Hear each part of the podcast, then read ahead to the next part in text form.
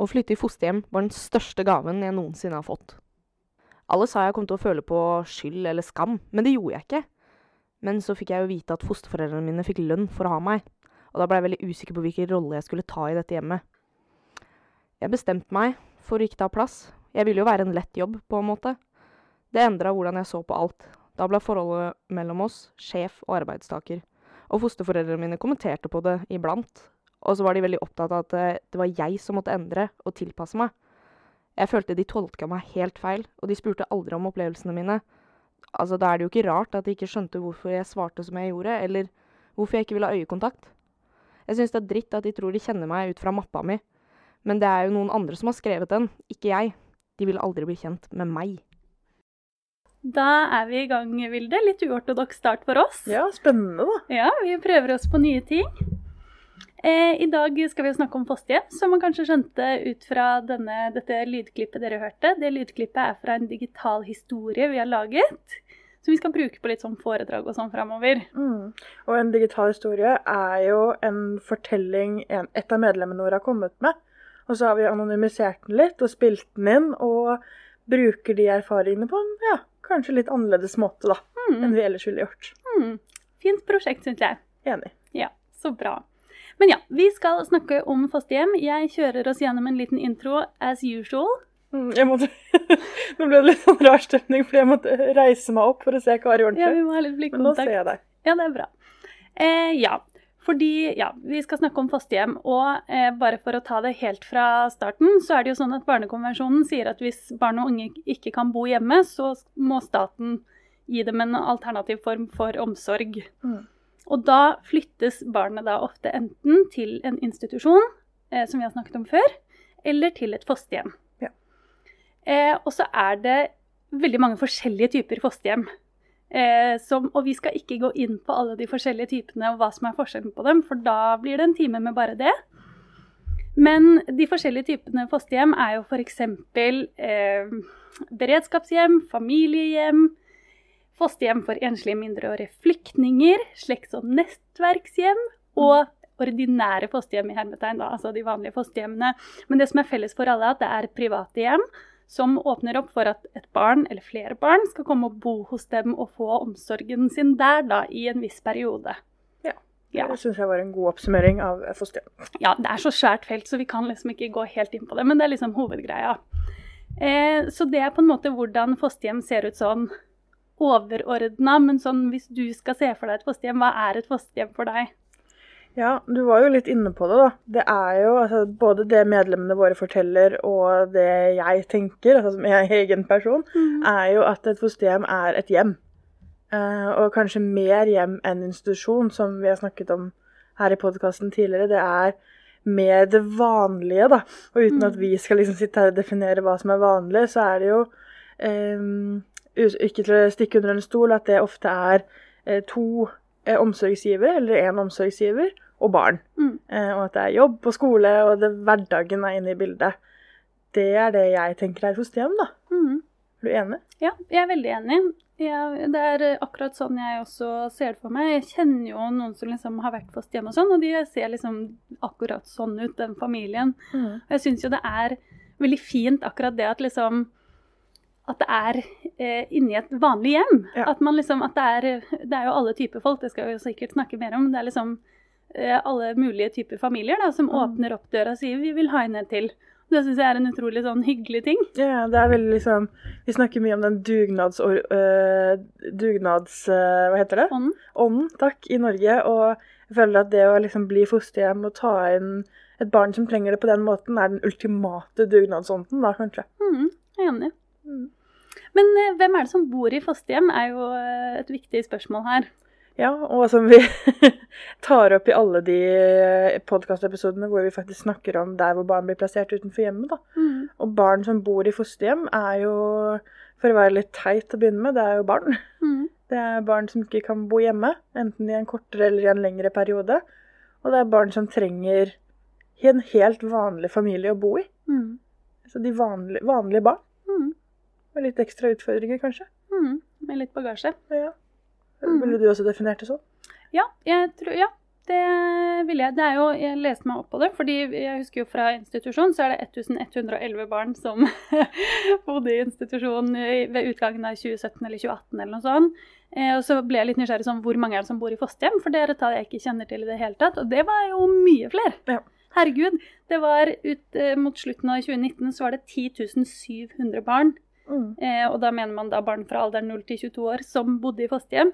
Så det er jo mye mer vanlig enn institusjon. Absolutt. Det er jo det man kanskje ønsker at flest barn skal bo i òg, og det er jeg veldig enig i selv. At barn og unge har jo behov for stabilitet. Og jeg tror alle mennesker, altså, uavhengig om de er to år eller 15 år, har behov for en familie i en eller annen innpakning, og hvordan den kommer, det kommer an på alt mulig rart. Eh, og da er jo fosterhjem det som er tilnærmet likt den vanlige familien, da. Mm. Som Altså, jeg tipper det er en del forskning som vi kanskje skal innom senere, som peker på akkurat det at eh, fosterhjem kanskje er bedre for utviklingsvilkårene, for å Mhm. slenge inn et vanskelig ord, for barn og unge versus en institusjon, da, som vi har snakket om, som eh, skal gi litt mer sånn aggressiv omsorg i en viss periode. Mhm. Veldig gøyalt uttrykk, ja. jeg har aldri brukt det uttrykket Nei. før, men eh, de skal passe litt ekstra på, da. Mens altså, bare i min egen sak òg, hvor jeg ikke bodde i fosterhjem, men på institusjon, så var det jo hele tiden en sånn en drøm, da, kanskje, å få bo i en familie og Mm. gjøre det alle andre gjør. Mm. Så eh, nå er det en alarm i bakgrunnen. Hvis den er irriterende for noen, så får det bare være sånn. Sånn er det i Oslo. Yes. Eh, men jo, jeg tipper at når man er i den unormale situasjonen som man er i, da, når man skal flytte hjemmefra og inn i noe annet, så vil man jo ha det så vanlig som mulig. Mm. Og det tror jeg, og ønsker jeg veldig gjerne, at fosterhjemmene i Norge er i dag, da. Ja, Det tror jeg også. Og så er det jo, altså eh, uten noe form for erfaring, så kan jeg jo se for meg at det blir en helt annen form for tilknytning da, når det er to mennesker som skal fungere som på en måte som, De skal jo ta over foreldrefunksjonen, på en måte. Den Eh, daglige foreldreomsorgen, Ja. kanskje. på, I hvert fall i en viss periode, og det vil jo bli ikke sant? De bor der hele tiden, de er ikke noe sånn på noe turnus eller noe sånt som man har på institusjon. ikke sant? Så de vil jo Det vil være veldig sånn fast og Mm. tydelig sånn det er disse to eller denne ene jeg skal forholde meg til. At det må jo bli en helt sånn en annerledes form for tilknytning, da, og forhåpentligvis også en, liksom, en sånn fin form for trygghet. At det er noen stabile folk som liksom er der når du står opp, som er der når du legger deg, når du kommer hjem fra skolen, hjelper deg med lekser. Yeah. Liksom, det er de samme folka hele veien. Kanskje du får et søsken, ikke sant. Mm. Sånne, du får liksom andre Du får de vanlige relasjonene på en eller annen måte. På en litt annen måte enn man gjør på institusjon. Ja, ja, og så er det jo altså Fosterhjem skal være et hjem, både i definisjonen i lov og Mm. liksom det barnevernsbarn selv forteller. Og hjem er jo ofte Det er veldig gøy, liten digresjon. Veldig mange barnevernsbarn har fortalt meg da, at hjem det er ikke et fysisk sted, det er mennesker man drar til. Mm. Og, og det er jo det fosterhjemmene bør liksom etterstrebe mest, og jeg opplever at det er det de gjør òg, er å være trygge voksne, som du sier, som er de samme hele tiden. Som ikke skal nødvendigvis overta en mor- og far-rolle, men som skal være den daglige omsorgen din i en kortere eller lengre periode. Mm. Og være hjem, da. Mm. På en helt annen måte enn noen andre tiltak i barnevernstjenesten altså utenfor hjemmet kan være. Mm. Så sånn sett det ideelle stedet å bo, tenker jeg Mhm. når man snakker om det på denne måten. Ja, helt enig. Og det, er jo, det tar oss jo litt inn på det, fordi det er jo en sånn dreining som foregår. Eh, som, hvor man liksom prøver å få flere og flere barn inn i fosterhjem, og færre og færre liksom inn i institusjonene. Em, og sånn som vi snakker nå, så virker det jo som om vi egentlig er positive til den dreiningen. Er vi det? Vanskelig å si, da. Da den kom, så Det gir jo mening Mm. at det er et fokus man ønsker å ha, fordi eh, Kari, da, med masse eh, atferd og som utagerer og inagerer og alt som er, eh, hadde man kanskje en tanke om for ti år siden at rett skulle rett i institusjon. Mm. eh, fordi det ble for vanskelig i et vanlig hjem. Og så har man kanskje kommet til en sånn forståelse av barn og unge på at ja, men vil ikke god nok omsorg kanskje gi Kari ganske mye? Mm. Eh, så liksom hele den nytenkingen om at barn ikke bare er et problem og skal møtes med omsorg, er en veldig fin tanke. Men så er det jo litt som vi snakker om i mange saker, hvor man ikke kan eh, eh, veie for tungt i den ene siden eller den andre siden, og med et sånt fokus som det kanskje har vært bitte litt av, da, hvor man tenker at alle barn skal i fosterhjem, Mm. så glemmer man å se etter de som kanskje ikke passer i fosterhjem. Eh, Jeg velger å bruke meg selv som eksempel, fordi jeg har gjort det så mange ganger i denne saken. Er jo at jeg hadde ikke sjans til å bo i fosterhjem de første årene utenfor hjemmet mitt, fordi jeg hadde så behov for kjempestrenge rammer og rutiner. Ikke fordi jeg nødvendigvis var så farlig for samfunnet, eller noe sånt, men i mitt hode så trengte jeg å bare få lov til å være barn. Mm. Og bare få lov til å kjenne på at noen kjørte meg dit, og noen sto der der. Det var en våken nattevakt som kunne være tilgjengelig hele tiden. Og det, den typen omsorg som var litt sær å trenge, kanskje, og som noen barn fortsatt trenger, og kommer til å trenge, Mm. så funker ikke det nødvendigvis i den familiedynamikken et fosterhjem kanskje skal bidra med, da. Um, så en sånn dreining, ja, kjempefint at vi tenker nytt om hva barn og unge trenger, men det betyr ikke at det er det alle trenger, da. Og vi må ikke glemme de få som sitter og ikke kan bo der. Nei, og det er jo, ikke sant, her uh, gjentar vi oss jo selv, kanskje ikke nødvendigvis så mye i podkasten, men dette er noe jeg føler vi sier i alle møter, fordi vi som organisasjon er jo livredde for alle ting som blir framsatt veldig kategorisk, ikke Ja. sant? Når man er sånn, vi vil ha alle barn, eller de fleste barn, eller mest mulig barn inn i fosterhjem, så blir vi litt sånn, hvis det er til barnets beste. Altså det er den setningen jeg tror vi sier mest sånn, ja det er kjempefint hvis det er til barnets beste. At vi hele tiden må huske, vi er så redde for Kanskje uten grunn, kanskje med grunn, det varierer sikkert litt. Men sånn, vi er så redde for at man glemmer den individuelle vurderingen da, og bare ser på den faglige anbefalingen eller liksom Mm. føringen fra liksom, myndighetene om at sånn, alle barn skal i fosterhjem. Så er vi sånn ja, Ja. Og så ligger det jo alltid liksom litt baktanke, spesielt når man, sånn som jeg, da, som har jobbet med dette både som leder så lenge og i administrasjonen nå, hvor man ser sånn OK, men kommer dette forslaget da Nå snakker vi fortsatt om denne dreiningen, for jeg Mm. henger meg opp i den. Kommer det fordi det er til barnets beste, eller kommer det fordi det er økonomisk gevinst for Mm. kommunen og staten at flere bor i fosterhjem eller på institusjon?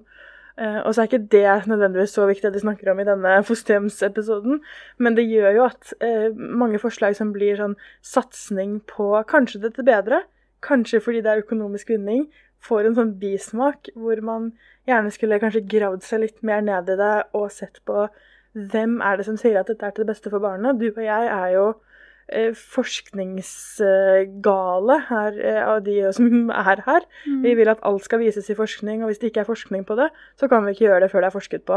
Og det kan godt hende, jeg har ikke satt meg godt nok inn i den dreiningen i det hele tatt, at det var masse forskning som pekte på at det var riktig. Mm. Eh, og derfor skal jeg være forsiktig med å si sånn, det var ikke riktig, vi er ikke for det i det hele tatt. Men som du sier, den barnets beste, da, Mm. den er viktigste. Ja, den individuelle vurderingen må til, på en Yes. måte.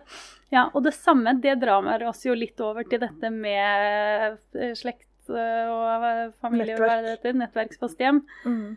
For der også, ikke sant, for mange barn, og det, bare for å forklare hva det er først, det er jo at man eh, når, man, når barnevernet bestemmer seg for å ta over omsorgen for et barn, fordi barnet ikke får god nok omsorg hjemme, f.eks., eh, så er det jo en sånn føring på at man skal undersøke om det er noen i slekt eller nettverk hvor barnet kan bo, istedenfor å plassere, det, plassere barnet Mm.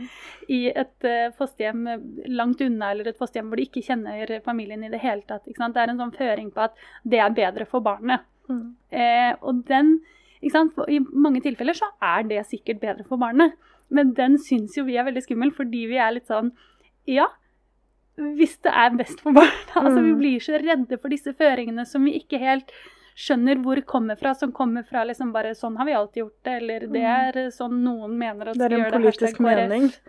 Eh, ikke sant? At man liksom Vi blir litt redde for når det ikke er tydelig hvor ting kommer fra. Mm. Eh, så blir vi stressa av det, rett og slett. Ja. Eller når erfaringene til våre medlemmer sier imot de føringene som kommer.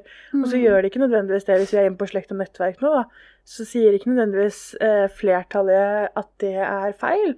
Men vi har litt for mange eksempler på at det ikke var riktig for det enkelte barn, som gjør at det er vanskelig for oss som organisasjon å si at yes, en føring på at det alltid skal vurderes. ikke sant, Vurderes, ja, bla, bla, bla. Mm. Tolkning og hurra meg rundt. Det er Mm. vanskelig, dette her. Men som du er inne på, Kari, hvor vi som organisasjon blir litt redde for at OK, men hvis det står sånn, at man alltid skal vurdere det, får man da litt sånn der eh, Gardinsyn, hva heter det? Skylapper. Eh, ja. Og glemmer da å tenke alt det andre som kanskje også er et alternativ. Mm. Um, og jeg tenker at det er, selv hvor kanskje litt slitsomt det er for feltet, da, at vi alltid kommer og skal peke på det, så er det en helt nødvendig rolle å ta. Virkelig. Eh, for ta noe slekt og nettverk der hvor det er helt Altså det er en kjempefin tankegang. Mm. Og at man får et fokus på det. At det kan være en håndballtrener eller en eh, sosiallærer, hva å ta i da, men en lærer Mm. på skolen som har et eh, ekstra omsorgsbehov, da kan ta inn et barn til. Selvfølgelig, hvis det er til det beste for barnet, så er jo det bare supert Mm. om barnet kan få bli der hvor det kjenner til noe trygt. Mm. Og så har man de tilfellene hvor det kanskje ikke er så bra. Hvor barnet må vekk fra dette miljøet, hvor barnet ikke kan bo i familie, da, andre eller slektsplasseringer, fordi slekten har for mye kontakt med de opprinnelige foreldrene, hvor det kanskje ikke er så bra for barnet. Som i hvert fall jeg, som har snakket ganske mye om slekt og nettverk ute på oppdrag tidligere, er redd for at disse skyggelappene blir, blir litt for nærme øya Mm. når det blir så mye politiske føringer på det, og vi får det inn i lovverk og alt dette, at man da tenker sånn Ja, men det går vel bra. Mm. Vi tester. Og så går det vel bra. Og jeg, og dette er kanskje å gå litt utenfor politikken vår, jeg vet ikke, så du får heller kjefte på meg hvis Mhm. dette er feil. Men jeg tenker at hvis man får en sånn litt kjip følelse på at er dette riktig? Eh, Er dette det beste? Ah, mm, vi kan jo teste. Så bør man eh, lette på de skyggelappene og se etter andre alternativer, da. Mm. Enig. Og jeg tror en ting som er så viktig, særlig når man snakker om fosterhjem i slekt og nettverk, er at det krever altså en så utrolig, etter min mening, og nå snakker jeg på vegne av meg selv her, men jeg mener at det krever jo en ekstra grundig og god opplæring til de fosterhjemmene. Fordi ikke bare skal de ta inn et nytt barn med alt? Det krever jo litt av fosterforeldre også, det, sånn er det jo bare. Men i tillegg så skal de da håndtere den eh, nye rollen, ikke sant? fordi de har da formodentlig kontakt med eh, opprinnelige foreldre fra før. ikke sant? De får en ny rolle overfor barnet i samhandling på en måte med den gamle rollen. Og i tillegg så må de kanskje også håndtere en lojalitetskonflikt ikke sant? for barnet versus opprinnelige foreldre versus andre i nettverket som har en mening. ikke sant? Man risikerer jo å komme opp i veldig sånn vanskelige situasjoner. Så da i det minste, det minste kravet man må kunne ha da, er jo i hvert fall at opplæringen er dritgod og Mm. jævlig sånn på ballen på oppfølging både før og etter. Og det er jo vanskelig, ikke sant? Særlig å få til opplæringen før, fordi når man plasserer noen i slekt og nettverk, så går det ofte litt kjappere. Ja, ja, man har jo ikke tenkt på å bli noe fosterhjem, i hvert fall, før det barnet blir plassert og alt dette her. Nei, det er Og så er det jo litt sånn, bare for å kaste inn en tanke jeg hadde før vi kanskje går videre fra slekt og nettverk, Mm. er jo det at behovet barn og unge har for å beholde det opprinnelige nettverket sitt sånn som det er, da. Eh, opplever i hvert fall jeg i de møtene jeg har vært i, at kanskje har vært litt glemt at eh, når man tilsynelatende mister mamma og pappa, da, eh, i den vanlige rollen sin, så skal man i hvert fall få beholde mormor og morfar, sånne som de er, eller tante og onkel som du alltid har vært på båttur med om sommeren. At plasserer vi barnet der, så tar vi også fra det sier mormor og morfar igjen, eh, i den rollen man kanskje har behov for de som noe annet. da. Mm. Eh, og at det også må inn i denne pakken av barnets beste-vurderingen og hurra meg tusen rundt. Ikke sant? Og selv om noen har fungert innmari godt som mormor og morfar, så er det ikke sikkert det fungerer like bra som mor og far i hermetegn, liksom. Nei. Og da må man uh, ha den opplæringen du sier, da. Og for å slenge ut litt politikk, eller sped-politikk, så vil vi jo at den, som du sier, skal skje helst før, men i hvert fall seks måneder etter en Mm. Ja, Eh, det må jo være et minstekrav. ja, ja. Er du gal? Seks måneder for et barn, altså, det er lenge, liksom. Ja, og bare for å liksom være litt vanskelig på det, da. Fordi altså, Pride-opplæringen, som er kurset til vanlige i hermetegn, fosterfamilier, skal jo vurdere om familien er skikket til å ta imot et barn, om de er klare for det. Mm. Altså alt det det innebærer. Og det er det i dag. Og jeg er litt generaliserende, for det er sikkert noen kommuner som er flinkere enn andre. Helt sikkert. Men det gjørs ikke. Da vi bare har en sånn OK, men siden du er mormor da, til Vilde, så går det bra. Mm. Da er du skikket nok. Og det syns jeg er litt rart, når det er så strengt på den ene siden, og ikke på den andre. Ikke før seks måneder etterpå, da. Mm. Og ikke sant, nå er bare eh, warning er veldig generaliserende. Forhåpentligvis er det bedre, litt bedre rettssikkerhet der ute. Men den er ikke god nok i forhold til hva det er i et vanlig fosterhjem. da. Ja. Hvis vi klarer å matche det litt bedre, så blir i hvert fall skeptisen her litt kanskje tryggere i Mm. huet. Ja, for det er jo litt vår jobb også å tenke worst case, Yes. rett og slett. Og det, ja, akkurat på den der tankegangen om at eh, slekt og nettverk er best, der er det mye worst case å ta av, Mm. rett og slett. Og mens du finner ut hvor vi skal videre, det er det jo i en vanlig fosterplassering her også. Absolutt. skal bare være, Dere som hører på, skal ikke sitte igjen med en følelse av at man aldri skal plassere i slekt og nettverk. Eh, men som med alle andre plasseringer, så skal du være sikker da, på at det er barnets beste. Eh, Mhm. Og som Kari har sagt nå, og som jeg bare gjentar fordi jeg er litt besserwisser, så eh, skal du ha gjort ganske mange vurderinger før du bare plasserer, da. Mm. Mm. Jeg er Enig. Og en ting jeg syns er interessant, dette har vi ikke snakket om på forhånd, Vilde, men en ting jeg syns er kanskje ekstra interessant med fosterhjem, er jo sånn Ta på institusjonen nå, f.eks. Så er det jo kommet et høringsforslag om at uh, utdanningsnivået skal heves på institusjon, ikke sant? fordi det krever mye. og bla, bla, bla. Mens i fosterhjem så er det jo ikke sånn. ikke sant? Du trenger ikke ha noen spesifikk form for utdannelse. Eh, men det, og da mener jeg sånn På institusjon så får jo de ansatte mye oppfølging fordi de er ansatte ikke sant? i Mm. det å ta vare på barn som trenger omsorg på en viss måte.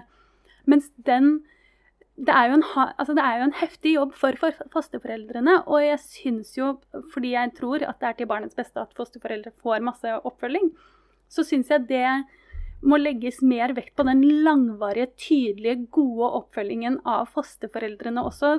Uten at det går på bekostning av barna, liksom, uten at det blir rart. Men det tror jeg vil gjøre dem bedre for barna. Jeg er helt enig. Ja.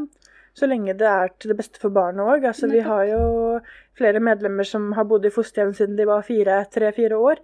Hvor det føles rart at saksbehandleren kommer inn i hjemmet annenhver måned for å drive opplæring av fosterforeldrene. Mm. Man, Det betyr jo ikke at det ikke er nødvendig for fosterforeldrene å få denne oppfølgingen, men kanskje gjøre det litt mer eh, vanlig da, for dette Mm. barnet som opplever at de blir tatt ut av skolen annenhver uke for å være med i en oppfølgingsmøte. Ja. Men vi kan ikke begynne der Nei, vi kan ikke begynne. men det synes jeg, men jeg vil bare, for å runde av det, så syns jeg det er en hyggelig ting vi som organisasjon også kan ha liksom i hodet vårt, og som vi har i hodet vårt, som jeg liker. Det er jo det at vi vil at foreldrene også skal liksom få hjelpen de trenger, fordi Mm. vi tror det er best for barna at vi liksom heier der òg. Ja. Fordi ofte så er vi jo litt sånn Hva er foreldrene? Men her er vi veldig Vi er på lag, liksom. Og det må vi være, for det skal jo Mm. være et lag. Familie er et lag. Det er akkurat det. Ja, det var hyggelig. Familie er et lag. Jeg er enig. Um, men la oss uh, ta det litt over i disse forskjellige typene fosterhjem. Vi skal ikke gå gjennom alle, men to jeg syns er litt interessante, er dette med beredskapshjem og familiehjem. Eh, og særlig dette med beredskapshjem. Uh, har du lyst til å forklare kjapt hva det er? Ja, det er jo altså, Litt usikker på hva loven sier om det, men det jeg definerer det som, eh, og vi, da, er jo et eh, midlertidig fosterhjem. Mm. Midlertidig hjem du bor i til man har avklart noen ting. Eh, Det mest normale, sånn jeg ser det, er jo at man blir plassert i et beredskapshjem når det er en akuttsak. Eh, Hvor man må bli plassert på dagen, da. Mm. Og det ikke er mulig å finne noe annet. F.eks. i slekt og nettverk. Mm. Eh, Så må man inn i et sånt midlertidig hjem som er et, eh, et fosterhjem, men eh, midlertidig. Mm. Eh, Og så bor man der til noe mer avklart. F.eks. om saken har vært oppe i fylkesnemnda, skal en omsorgsovertakelse til, mens man leter etter slekt og nettverk, mens tante og onkel kjører båt fra Danmark og hjem for å hente ikke sant? Et midlertidig hjem, da, Mm. eh, er vel den fine beskrivelsen av et beredskapshjem. Mm. Og det er de folka man ringer midt på natten hvis et barn trenger et hjem nå, liksom. Ja, det er de folkene barnevernet ringer Ja, ja, ja. på natten. ja, ja. Absolutt. Ja. Eh, og som på en måte står litt på vent, da, mange av de. Um, og som, så vidt jeg vet, så har de samme opplæring som fosterforeldrene. Mm. Eh, Og så kan hende den er langt tilbake i tid, det er mye som må fikses der òg. Men et, et fosterhjem som er i beredskap, klar til Mm. å ta imot raskt. Mm. Det må jeg bare si. Altså, det å være beredskapshjem, det, eh, det er vel litt manko på beredskapshjem, er det ikke det? I hvert fall i Oslo. Jo, det er jo det i hele landet. Ja, Man må reise langt. Og det skjønner jeg litt, Ja. men samtidig, det er fader meg noe av det flotteste du kan gjøre. ass. Å være klar hver natt. Altså, fordi hver gang du legger deg, så vet du jo ikke om du kommer en telefon, liksom. Det er jo helt uforutsigbart. Men du har liksom sagt at sånn, jepp, hvis et barn trenger det, så er jeg der. Fader, for en vanskelig det må være, da. Ja. Du aner ikke. Og si da, eh, jeg har bodd i beredskapshjem f.eks., Mm. og jeg kom inn eh, natt. Mm. og så bodde jeg der i nesten et år. Eh, Det er lenge. Det er ganske lenge, eh, Mhm. og samtidig ikke nødvendigvis. For for mange tar det litt tid. Eh, I hvert fall på den tiden hvor slekt og fosternettverk ikke var så høyt prioritert. Mm. Eh, og i den tiden så bygger du relasjoner. Nå tenker jeg fra beredskapsforeldrenes side, da, og du jobba på for å liksom både hjelpe barnevernstjenesten med å finne ut noe kanskje problematikk eller Mhm. historie som kan hjelpe videre i plasseringsveien, og du prøver å lage en trygg base for et barn. Og så har du et barn da, på den andre siden, og nå bruker jeg meg selv, så det er ikke noe generaliserende, Mm. eh, som ikke har lyst å ta imot den omsorgen. Fordi man blir fortalt at her skal du ikke være så lenge. Du skal være her midlertidig, det er kun i beredskap, bla, bla, bla. bla. Mm. Og så kan det være alt fra to dager du er i dette hjemmet, til et år. da. Mm. Hvordan jobber man med relasjoner? Hvordan jobber man liksom med omsorg? Ja, fy fader. Og ikke bare beredskap. Ja, fy fader. Det må være så tøft. Altså, det er tøft for barn, absolutt, men det må være så tøft for de som skal hjelpe òg, da. Mm. Og ikke vite. Det er det. Og det må være så vanskelig å, vi å vite liksom Det er jo en eh, fine line du beveger deg på, da, mellom det å liksom bygge relasjon, bygge relasjon, skape tillit, men samtidig hele tiden For jeg tror det er utrolig viktig at beredskapshjem er gode på den der, å bygge tillit, bygge relasjon, men samtidig også være tydelig på at sånn Dette kommer ikke til å være evig. Og hele tiden være den sånn Ja, kom tett, men ikke så tett. Altså hele tiden liksom pushen på på den Ja, måten der. Fy fader, det være vanskelig for barnet òg. Absolutt. Og det er jo flere av våre medlemmer vi har det, ja, vi har det i politisk plattform at uh, man uh, vi gjerne skulle hatt beredskapshjem kunne bli fosterhjem. Ja. Det var en dårlig setning, men at beredskapshjemmene skal kunne bli fosterhjem Mm. hvis barnet og familien ønsker det. Eh, For det er jo flere av, våre, er flere av oss som har kommet kanskje til det beste stedet de har vært, og så må vi flytte derfra fordi tittelen på hjemmet er feil. Ja. Og det er synd, da. Da ødelegger man litt for videre, videre vei i barnevernet. Det er det. Og så skjønner jeg systemet. Jeg skjønner at det må være sånn, men fy fader, ass. Kom igjen, da. Kan vi ikke være litt fleksible på akkurat denne, liksom, for disse barna? Ja, og i hvert fall jobba på da, at det er nok fosterhjem der ute, sånn at barn ikke blir værende i beredskapshjemmene i et år. Mm. At de ikke blir værende der i et halvt år helst heller. Mm. Um, fordi da er det jeg, jeg går så hardt ut jeg sier at da er det ikke nødvendigvis beredskap lenger. Nei. Da er det oppbevaring. Og det skal ikke barn føle på. Eller familien okay. rundt, for det blir rart for alle. Ja, den følelsen av oppbevaring, det, har, det er et ord jeg har hørt av flere av medlemmene våre. Og det er eh, Ja, jeg, jeg hadde jo en rant om det forrige episode om at barn skal føle seg viktige. Og du føler deg faen ikke viktig hvis du føler at du bare sitter i en boks og venter på neste sted, liksom. Fy fader, ass. -hmm. Det går ikke an. Nope. Og så har vi jo, som du var inne på, altså familiehjemmene, eller statlig fosterhjem, som det het. Mhm. Eh, Så vidt du og jeg har skjønt, så er det den overgangen overgangen som har skjedd der. Hva sa du? Forsterka fosterhjem. Forsterket fosterhjem var det. Mm, takk. Eh, som er liksom, slik jeg ser det i hvert fall, og har blitt fortalt det, eh, den mellomting mellom et fosterhjem og en institusjon. Mm. Hvor det fortsatt er et hjem. Det fortsatt er som hovedregel en, eh, en eller to omsorgspersoner du forholder deg til, men som er eh, frikjøpt fra jobbene sine i større grad, og som kanskje har litt mer spesialkompetanse. Mm. Eh, kanskje de har en barnevernspedagogutdanning i bunnen, eller sosionom, har gått noen kurs for å eh, ivareta barnet på best mulig måte. Da. Mm. Så det er vel, de ble jo kanskje eh, satt et større fokus på disse eh, Herregud, familiehjemmene. eh, Ja. Når denne dreiningen som vi var inne på, kom fordi eh, Og som er positivt, da, det er jo det som Mm. gjør at vi kan heie på en sånn dreining når man setter inn et sånt mellomalternativ Mm. som funker for disse få barna, da, som Mm. trenger det.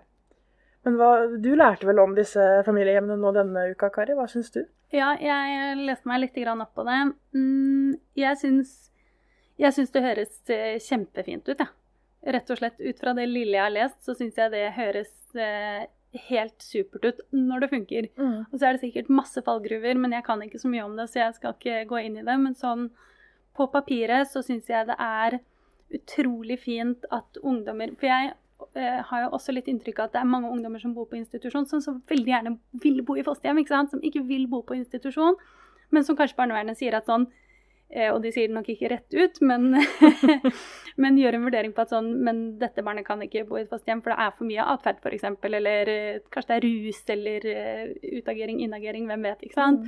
Men at det da finnes en mulighet for de til å bo i et hjem, i en familie, det syns jeg bare er supert. Enig. Rett og slett. Så vi heier på det. Vi heier på det. Når det er til barnets beste. Ja. Ja, For å slenge inn den der òg. Alltid det. Så det, Men eh, vi skal jo etter hvert eh, innover i eh, Vi har fått litt sånn tilbakemeldinger denne gangen og noen spørsmål og sånn, men før det eh, så lurer jeg på hva er det barn i fosterhjem trenger fra fosterhjemmene sine? Mm. Det er jo det største spørsmålet man kan stille, da. Ja. Eh, og jeg, jeg skulle kanskje ønske på vegne av alle barnevernsbarn at det var et enkelt svar, Mm. og så er det ikke det. Fordi det Jo, det er faktisk det, okay. men det er vanskelig å gjennomføre.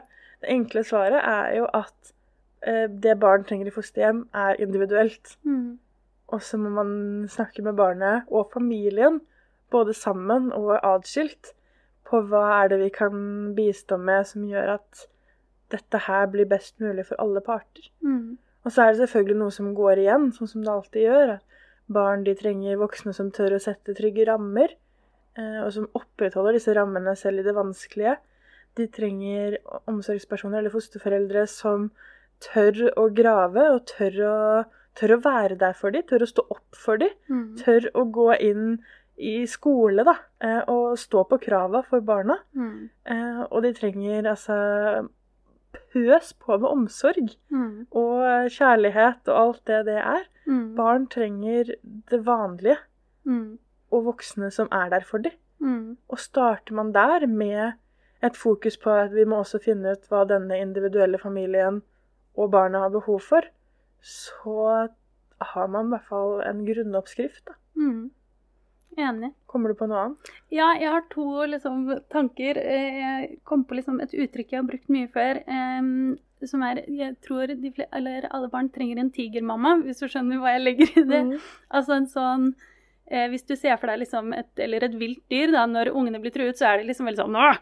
Altså, de er på ballen. Men det trenger barn, liksom. At noen Den følelsen av at noen har ryggen deres hele tiden. Mm. Og at sånn, selv om de gjør noe galt, selv om de driter seg ut, så kan de få kjeft, men det ligger alltid i det at sånn Ja, ja, men jeg har ryggen din, liksom. Jeg er der. Og hvis noen prøver å fucke med deg, så er jeg der, ass. Liksom sånn. Ja, og er det noen som trenger det, så er det jo barn i barnevernet som skal Akkurat kjempe til, mot og med et helt system. Og som har opplevd så Veldig mange, i hvert fall, har jo opplevd så mange brudd og opplevd så mange som har sagt jo, jo, jeg er her, og så er de ikke der allikevel. Hele tiden den skuffelsen. Så man trenger da virkelig Jeg tror det er en utrolig viktig rolle fosterforeldre må ta. Det er den derre å være den der tigermammaen eller tigerpappaen som bare er altså uavlatelig på barnets side, liksom. Mm. Uansett. Jeg er enig. Og da med, med det ligger det jo også i at barnet skal få beskjed når eh, barnet er helt på jordet, men at barnet da hele tiden vet at sånn, det er med kjærleik. Ja. som man eh, skulle ønske man hadde i sitt opprinnelige hjem, da. Ja, Mm. akkurat det. Så tigermams og tigerpaps, de heier jeg på. De trenger vi. Mm. Mm. Og den siste tingen jeg tenkte på, er en veldig viktig ting barn i fosterhjem trenger. Det er en god eh, Å, nå forsvant ordet. Tilsynsfører, er det det det heter? Mm. Ja. Fordi det er så viktig at barn, når de blir satt i en ny familie, at de har en god kontaktperson eh, som kan si fra til barnevernet, fordi tilsynsføreren er jo ikke barnevernet, men en person de kan stole på, som de kan si fra hvis noe er galt. Mm.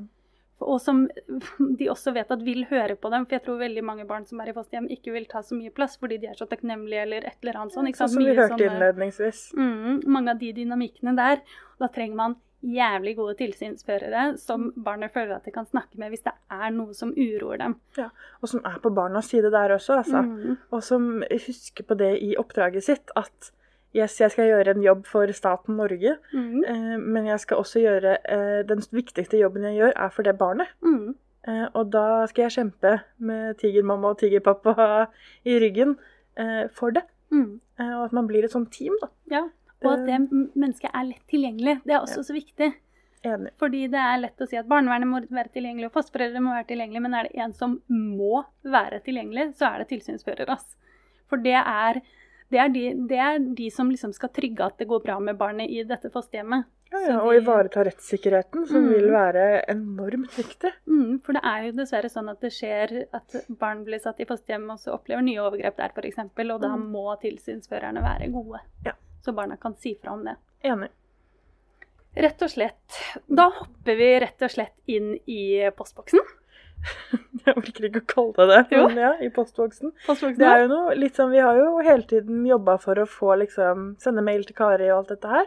Nå starter vi en litt sånn ny mm, greie, Mhm. hvor vi kommer til i forkant av innspilling av podkasten Mm. to-tre dager før å legge ut på LFB sin Instagram, Barnevernsbarna, um, om folk har spørsmål eller tanker eller refleksjoner rundt det temaet. Og det gjorde vi til denne, og fikk en svar. Ja, vi fikk masse. Og det er så gøy. Ja, det er veldig hyggelig. Fy fader. Og det er gode Det er eh, innmari mye bra. Så vi tar faktisk eh, alle tingene som ble skrevet inn. Vi sier ikke hvem som har sendt inn, fordi anonymitet er hyggelig. Mm. Men da starter jeg med det første, og dette er en refleksjon. Så jeg tenker vi, jeg leser den opp, og så får, jeg, får vi høre hva vi tenker. Eh, For den første sier Da jeg flyttet til fosterhjem, var det veldig viktig at de ga meg tid til å slå meg til ro før de begynte å spørre og vise interesse. At de ga meg rom til å bare la alle inntrykkene synke inn, liksom. Ikke sånn at de ikke brydde seg, eller noe sånt, men at de ventet litt med å f.eks. stille krav til skole og sånne ting. Høres det kjent ut? Ja. Ja, enig. Og jeg tror faktisk det høres kjent ut for alle. Ja. Enten man er barnevernsbarn eller ikke, så har man en eller annen rar periode i livet Mm. hvor man eh, ikke orker å forholde seg til det vanlige, Mm. hvis man kan si det sånn. Altså, Bare for å dreine det over til noe helt annet. Da jeg flyttet i min første leilighet etter et brudd med samboeren min, Mm. eller da ekssamboer, Mm. så var jeg sånn Hva gjør jeg nå? Nå klarer jeg ikke støvsuge, fordi det er jeg vant til at noen andre gjør. Mm. Nå klarer jeg ikke lage mat, for det har jeg alltid gjort sammen med en. Eh, og da måtte jeg liksom finne sånn OK, da må jeg dusje, da. Det klarer du vel å få til? Mm. Eh, og da var det litt mer sånn hjem. Og hvis man har den følelsen som voksen, bare fordi noen, noen ting har blitt rokka litt på i hverdagen, Mm. så tror jeg den følelsen som blir beskrevet her av eh, åpenbart et barnevernsbarn, kanskje, eh, er så gjenkjennbart for alle. Mm. Og da må vi klare å dra litt paralleller, vi som skal endre disse systemene, da, og de som sitter og er fosterforeldre eller saksbehandlere ute, og huske på det. Mm. At disse grensene, det er kjempeviktig. Eh, Vi har f.eks. et medlem i en annen digital historiefortelling som sier at da hun eller han flyttet til fosterhjem, så um, måtte de støvsuge rommet sitt hver uke. Mm. Og det var så rart, og det var jo så høyt krav, for det kom Dette medlemmet var jo eh, et barn som kom fra et hjem hvor det aldri ble støvsugd. Mm. Og da skulle forholde seg til disse rammene ble en sånn Det ble for mye, da. Mm. Inni hodet. Det ble for mye kaos. Og som da denne refleksjonen sier, da må man ha kanskje litt mer tid til det relasjonelle først. Ja. Og få det på plass. Mm. Eh, og det snakket vi litt om i institusjonen òg. Da jeg først var trygg på institusjon, var da jeg smalt med en dør. Mm. Og det tror jeg er gjenkjennbart i fosterhjemmet òg. Skal man stille disse kanskje vanlige kravene som man ikke tenker på at det er et krav, så må det jo ligge noe form for relasjon i bunnen, da. Mm. For at det skal oppleves som OK. Mm. Og så tror jeg det er mye med også, ikke sant. Mange, mange barn kommer fra hjem hvor eh, de vanlige tingene som å støvsuge og sånn ikke har fungert godt. Og kanskje ikke har fungert i det hele tatt. Og hvor de har måttet ta en voksenrolle. Og så skal de komme inn i et nytt hjem, er kanskje 16 år. sånn som, Det er jo samme medlem som har snakket om dette, faktisk. Som liksom blir så oppgitt at sånn ah, men jeg har måttet være voksen hele livet, må jeg komme inn her og få litt sånn, sånn? fordi det er jo veldig naturlig å tenke at sånn, ok, men da skal du få husoppgaver, du skal gå ut med søpla, med, med, med, for det er normalt på en måte. Men at man da blir litt sånn, ja, men jeg har ikke fått være barn noe, jeg. Mm. Eh, Gjennom hele barndommen min kan jeg få lov til å være det bare sånn fem uker nå til ting får roa seg litt, liksom. Ja. Og bare få slappe av og ikke liksom rett inn i disse faste rutinene, selv om de blir viktige etter hvert. Veldig. Fordi man trenger sånne rutiner for å bli et gjengs menneske. Men i begynnelsen å liksom få lov til å bare puste ut, la noen andre ordne litt, la slippe å ta masse ansvar og endelig bare kunne liksom synke sammen litt, ta inn over seg hele livet sitt. For det er jo faen meg dødsheftig arbeid, det, liksom. Ja, ja, ta den dusjen, da. Ja. Hvis det er det som gjør det trygt, Ja, liksom. tenna, Ja. så du er liksom levende å være ved siden av. Mm. ja. Men ja, jeg, ja, jeg syns akkurat den, eh, det innspillet der vi fikk fra et medlem, det syns jeg var utrolig sånn Det ga så gjenklang. Det ja. hørtes ut som alle medlemmene våre snakket samtidig, på en måte. ja. Og da er det så viktig Mm. at det blir lytta til, da. Ja, enig. Og en veldig, ja herregud, det tenkte jeg også på, en veldig viktig ting i den her, syns jeg, er at hun snakker jo om at sånn at man lar alle inntrykkene synke inn før man begynner å spørre og spørre. Fordi det går jo litt på tvers av den historien vi hørte på begynnelsen av episoden, som var litt sånn 'Hvorfor har dere ikke spurt om mine opplevelser? Da kan dere ikke forstå meg.' Mens dette medlemmet sier 'Gi meg litt tid før dere spør om mine opplevelser'. Mm. Det er en utrolig vanskelig sånn balansegang for fosterforeldre. Skal man spørre, skal man ikke spørre? Hvordan gjør man det, liksom? Men så tror jeg, bare for å litt, gjøre det litt enkelt igjen, at uh, så lenge du ikke prepper ned med sånn Nå skal vi snakke om din historie. Mm. Du skal fortelle oss alt den første uken, og lar det være litt vanlig. Da spiser vi den tacomiddagen på fredag, vi ser på gullrekka, vi gjør sånn, vi går på ski på søndager her i familien. Mm. Bli med, da vel. Så går det greit. Ja, det Bare ikke også. liksom over jeg skjønner den refleksjonen så godt, for det er så mange som har fortalt om det òg, hvor det er en sånn fosterforeldre som så gjerne ønsker å forstå, Mm. og så kommer de heller eh, ut av det som litt innpåslitne Mm. eh, psykologer. eh, og det blir dumt, da. Så vær, vær deg sjæl til fosterforeldrene. Vær deg sjæl. Mm. Eh, vær nysgjerrig, eh, men vær nysgjerrig kanskje på andre ting enn problematikken. Mm. Eh, som jeg tolker den greia til. Tør å spørre om interesser. Tør å spørre om Ja. hva vi skal gjøre sammen her for at man skal ha det bra. Og Se hele bare mennesket, liksom. Ja, Mm. det tror Ja. jeg kan gjøre mye. Jeg er veldig enig i det. Samtidig så tror jeg også det er lurt at i begynnelsen altså Det betyr ikke nødvendigvis første dagen, men jeg tror også det er lurt å liksom åpne for den samtalen tidlig. da, og Være litt sånn, snakke med barnet og være sånn OK, jeg vet ikke hva du er komfortabel med. Mm. Jeg vet ikke hva du syns er best, så jeg vil bare at du skal vite at hvis du har lyst til å fortelle, så vil jeg gjerne høre, men vi gjør det på dine premisser, liksom. Ja. Du velger hvordan det her skal skje, hvilket tempo det skal skje i. Kanskje jeg spør en gang iblant, hvis du syns det er slitsomt, si ifra. At man liksom åpner opp for en eh, metasamtale om samtalen, Mm. tror jeg. For da, da får du jo inn medvirkningen i det også, ikke sant. Så barnet får liksom satt litt premissene. Det tror jeg er veldig nyttig. Enig. Så lenge det ikke oppleves som et overveldende ansvar. Sant? Nettopp. Så enda en fallgruve. Ja, ikke Og det er sånn kunne vi fortsatt i en evighet. Det kan vi ikke. Nei. Neste spørsmål. Vi går videre. Et spørsmål vi har fått inn, er jeg synes det er et veldig hyggelig spørsmål. Hva er det fineste med fosterhjem? Ja. Kari, hva er det fineste med fosterhjem? Ja, det er vanskelig for meg å svare på, for jeg har aldri bodd i fosterhjem. Men, eh, så jeg må bare svare fra hva jeg syns er finest med fosterhjem. Og jeg syns nok det fineste med fosterhjem er eh, selve konseptet fosterhjem, på en måte.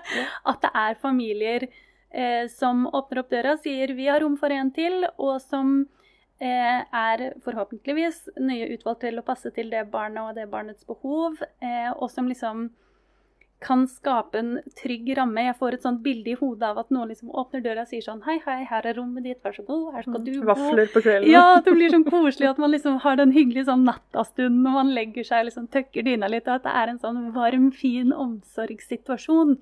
Og det, ja, det syns jeg er det fineste med fosterhjem. Hva med deg?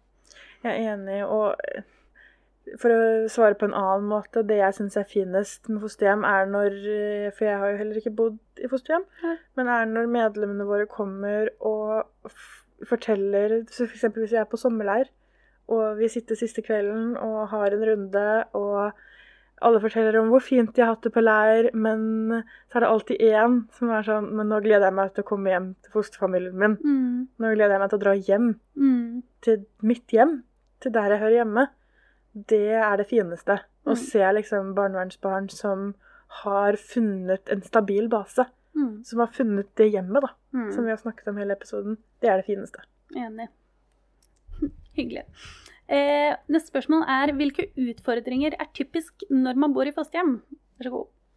ja, men fra hvilken side? Det, det blir ikke presisert i dette spørsmålet, gitt. Nei, jeg syns det er et vanskelig spørsmål. Mm. Fordi litt som hva trenger barn i fosterhjem? De trenger individuell oppfølging. Hva er det som er vanskeligst i fosterhjem? Det er individuelt. Mm. For noen er det vanskelig, når jeg er fra barna sin side, da, Mm. så er det vanskelig med det relasjonelle. Det er vanskelig å skulle bo i en situasjon hvor foreldrene skal erstattes, eller man opplever at foreldrene skal erstattes, selv om det kanskje ikke er tanken bak.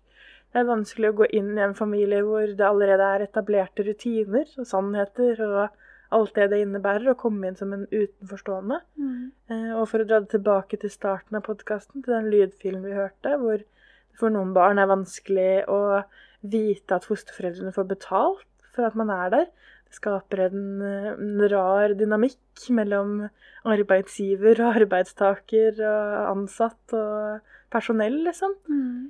Eh, Det er de tre utfordringene jeg har hørt mest da, Mm. fra barna sin perspektiv. Jeg stiller meg bak den, jeg. Så bra. Mm. Eh, så går jeg videre. Mm. Hva er viktigst med et fosterhjem for et barnevernsbarn? Ja. Jeg velger å si at det har vi vel kanskje svart litt på Ja. i episoden. Ja. Spol tilbake. 20 Enig. minutter. Her ligger vi ansvaret over på dere. Ja. Eh, og så har vi en refleksjon eh, til slutt. Eh, en refleksjon slash et spørsmål som Ja, det er et litt vanskelig spørsmål, syns jeg. Veldig spennende.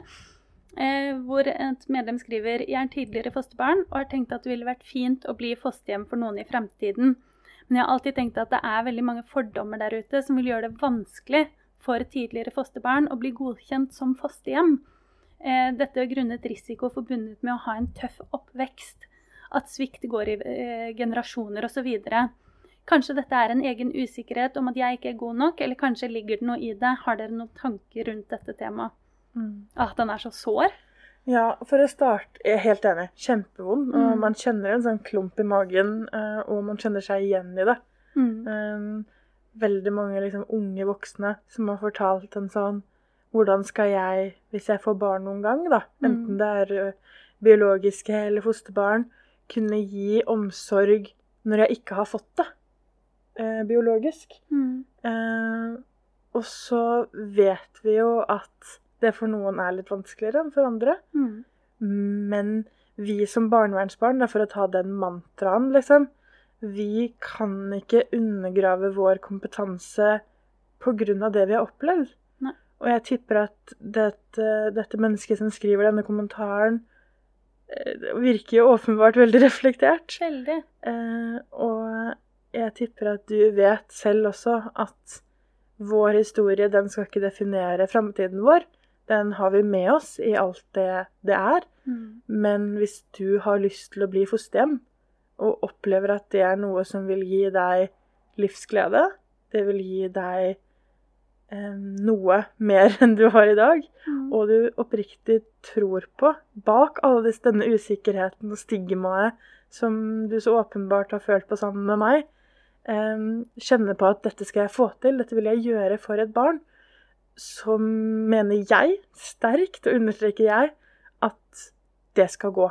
Ja. Og så er pride-kursene lagt opp til, altså de, igjen kursene for fosterforeldre, lagt opp på en måte hvor man skal, uavhengig hvilken historie man har, skal grave litt i den. Mm. Fordi skal man inn i et barn sin vonde historie, så må man være kjent med sin egen. Mm. Og en av mine største styrker i livet mitt er det jeg har opplevd. Mm. Jeg kan dra det inn i mange paralleller, ikke bare på jobb, men i mitt møte med samfunnet, med verden. Og klarer man å dreine det enten liksom selv eller da i samarbeid med en fosterhjemstjeneste til noe som kan gagne dette barnet på en bra måte, så tror jeg de erfaringene vi bærer med oss, eh, så lenge de er bearbeidet og sant, blir hjulpet med på en god måte, i stor grad kun er en styrke, altså. Mm. Og kun kan bistå til noe positivt for det enkelte barnet. Mm. Det syns jeg var fint sagt. Jeg er enig. Jeg tror jeg, Altså, ja. Det første jeg tenker, er jo herregud, så fin du er som vil gjøre dette, liksom. Jeg har jo allerede sagt det. Jeg syns det er en så flott ting å velge å bruke livet sitt på. Mm. Så ja, jeg heier veldig på det. Og så har jeg jo, ut fra det jeg har lest i disse pride, fra Pride-kursene også, er jo at eh, både, altså, Først må jeg jo si at sånn det å være barnevernsbarn er på en måte ikke det eneste av bagasje man kan ha med seg. Så jeg tror det er mange som går inn i f.eks. pride-kurs og sånn med en sånn tanke om sånn OK, men jeg har en del bagasje, går dette bra? Og jeg tror, sånn som jeg har forstått Pride-kursene, så legges de opp til at man skal gå gjennom det, som du sier, men at det at man har en bagasje, ikke skal være til hinder. Men man må bare være klar over hva er mine triggerpunkter, hvor er det ikke sant? Kanskje har du en samboer som du skal gjøre dette med. Hvor, hvordan kan vi samarbeide for å få til dette på en god måte? Så lenge man liksom eh, har en forståelse av seg selv, Mm. så virker det ut fra pride-kursen også ikke ut som om dette skal være et stort problem. Men jeg skjønner jo, jeg syns jo det er så trist at du, man er redde da, for akkurat denne tingen, fordi det er jo den eh, skammen som ligger, og den frykten som ligger i så mange barnevernsbarn, som er så innmari sår at liksom Fordi jeg forstår det litt som at sånn OK, men blir jeg oppfattet som litt ødelagt? Mm. av barndommen min. Og det eh, blir du ikke, på en måte. Det skjønner Det er jeg helt sikker på at Bufetat og alle folk skjønner at det er du ikke. Så jeg ville ikke Jeg ville ikke latt være å prøve. Eh, basert på det, fordi det jeg, jeg tror ikke, og så kan vi jo ikke vi si noe, men jeg, jeg kan ikke se for meg at så lenge du liksom har gått gjennom det, funnet ut av deg sjæl Og det er lov å fortsatt ha problemer, for det har alle mennesker. Så du må ikke liksom tenke at du skal være ferdig bearbeida før du kan gjøre noe, men at du har en forståelse av hva dine behov er i en sånn situasjon. Så tror jeg du i, i samarbeid med en fosterhjemstjeneste eh, og en barnevernstjeneste kan få til dette helt strålende. Ja. Og det oppsummerer jo en sånn eh, Hei, alle barnevernsbarn der ute. Mm. Ikke tro at noe av det vi har opplevd skal kunne ødelegge framtidsmuligheter. Nei. Da må man bare få litt hjelp på veien til å finne ut av det på best mulig måte. Mm. Og så kan vi gjøre alt alle andre kan. Ja. Om ikke mer. Absolutt. En god oppsummering. Veldig. Jeg tror vi eh, tar den der, jeg. Ja. Rett og slett og går over til ukas eh, hjertesukk. Mm. Kan du starte? Ja Ja, jeg, jeg kan jo det. Skal vi se, da. Hva er ukas hjertesukk for meg denne uka? Jo, jeg tror jeg tar Jeg kjente at uh, dette ble litt ukas hjertesukk for meg, rett og slett. At jeg får en sånn sånn Det føles ut som en sånn liten sorg inni meg av den tankegangen at noen mennesker skal føle at de er litt ødelagt på bakgrunn av at andre har vært slemme med dem. Mm. Det syns jeg er så urettferdig at samfunnet gjør at noen mennesker føler det sånn. Det skulle ønske man slapp. Jeg er enig. Så det er mitt hjertesukk. Mitt hjertesukk Kjør. er at vi har fått nye headset Mm. eh, til podkasten, som er eh, en million ganger bedre enn de vi tidligere har brukt. Så Oh, jeg yeah. hører meg selv. Men jeg hører også alt som skjer rundt i rommet. Yeah. Eh, og blant annet hører jeg veien utenfor, Mm. eh, som gir meg en indikator på at vi kanskje må bytte innspillingssted. Yeah. Og det har jeg irritert meg over i 52 minutter nå. Gratulerer. Takk. Men da er vi ferdig for i dag. Yes. Takk for eh, Eh, praten. Ja, takk for praten. Så kommer det ut en ny episode om to uker. Det blir bra. Yes. Og send gjerne inn Jeg sier det igjen, men det er eh, ingen som gjør det foreløpig. Men eh, mailen min er kari at barnevernsbarna.no. Har dere noen tanker, meninger, spørsmål, hva som helst, kjør på. Eller følg oss på Instagram, hvor det legges ut i forkant av innspillingen. Ja. Yay! Takk for i dag. Takk for i dag. Ha det! Ha det.